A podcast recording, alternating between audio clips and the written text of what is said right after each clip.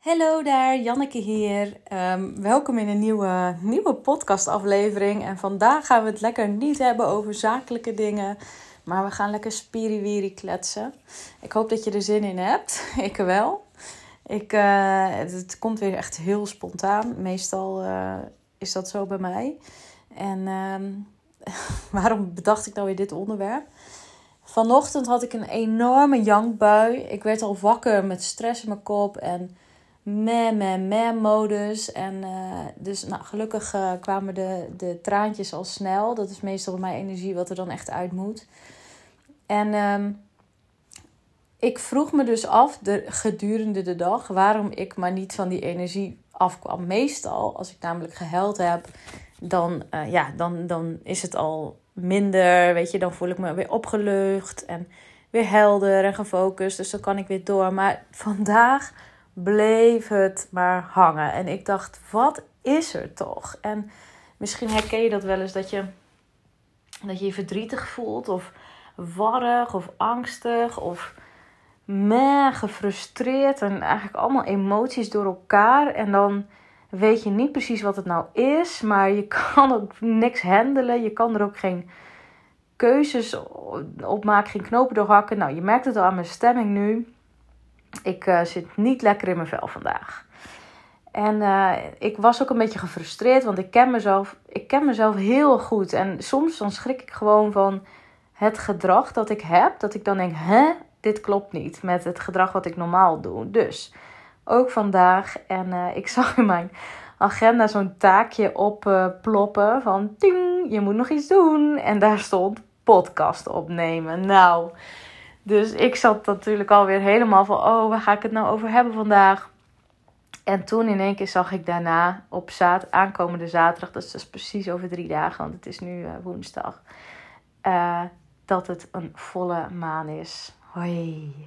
Dat had ik even gemist. Ik was zo druk met allerlei andere dingetjes, met heen en weer reizen en uh, Airbnb, koffer inpakken, weer naar de volgende locatie dat ik eigenlijk helemaal vergeten was dat er ook nog een maancyclus happening is.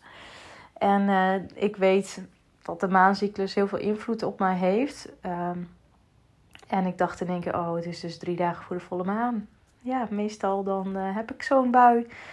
Dus het is eigenlijk heel normaal dat ik dit voel. Of eigenlijk, ja, ga maar niet nu beslissingen nemen. Want het heeft echt totaal geen zin. Blijf maar gewoon rustig. En Ga maar gewoon lekker mee. Huil maar lekker wanneer je wil huilen. En voel je maar boos als je even boos wil voelen.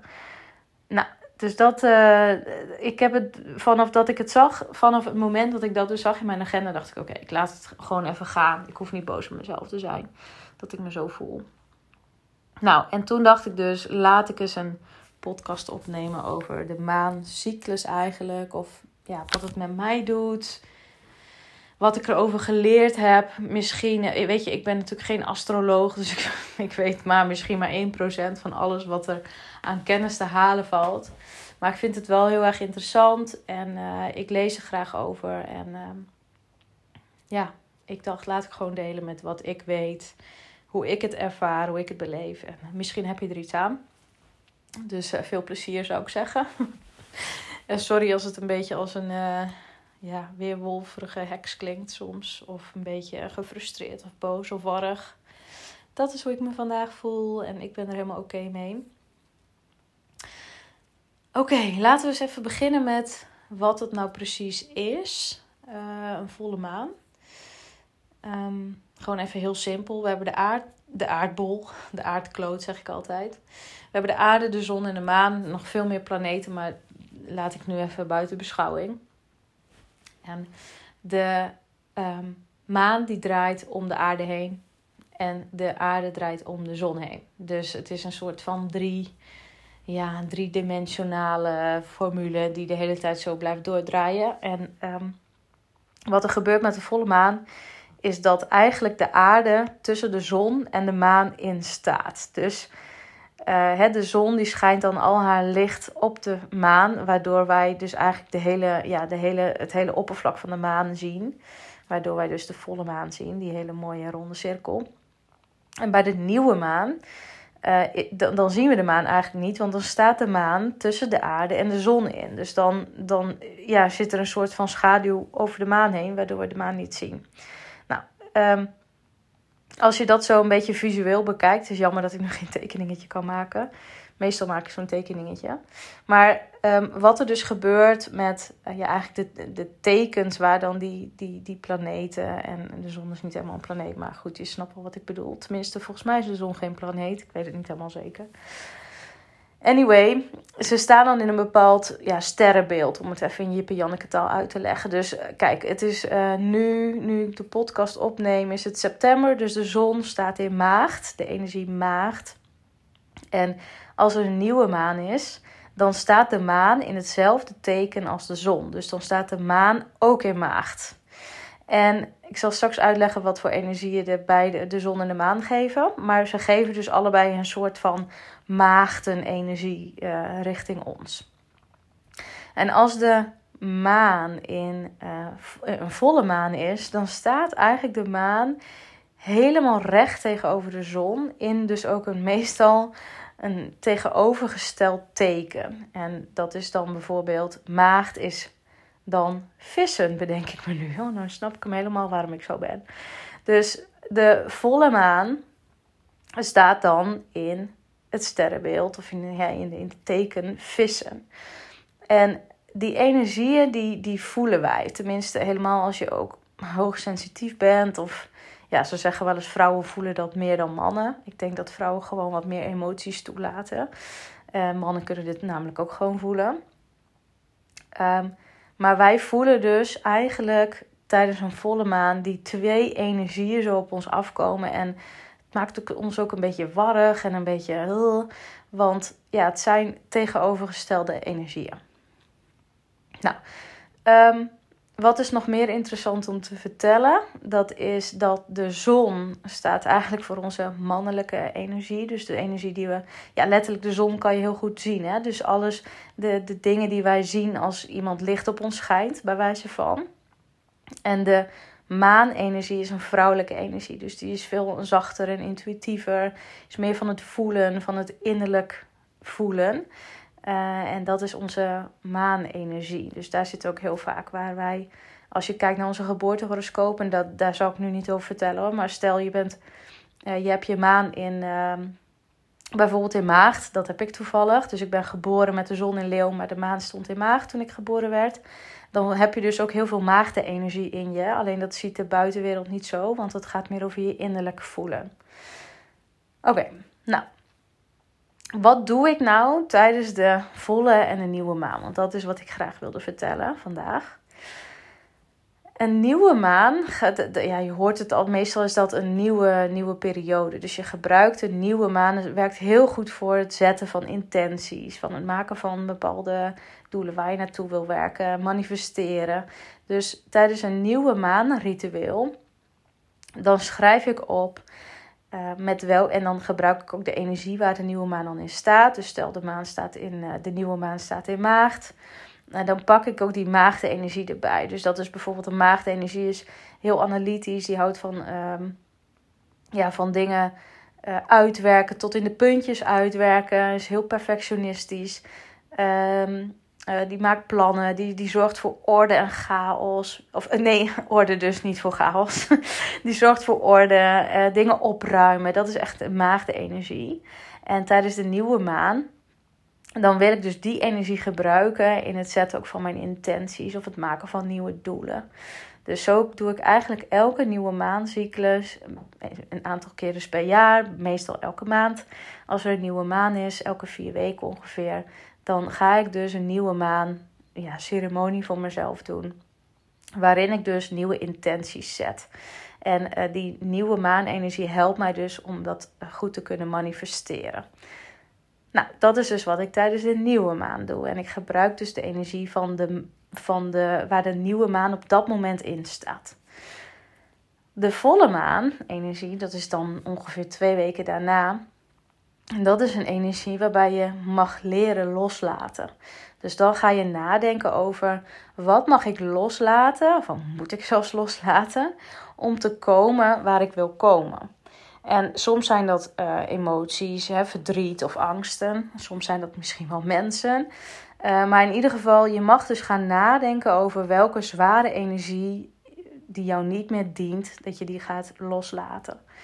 En wat ik dan tijdens de volle maanceremonie doe, um, is dat ik dan de energie pak waar dan het, de maan op dat moment in staat. Dus hij staat dus in het teken vissen straks. Nou, vissen is een hele mystieke energie, waar dus zeg maar de maagd heel, uh, ja, uh, ja, hoe noem je dat, analytisch en heel ja, tastbaar is. Ik weet even niet hoe ik het anders moet uitleggen.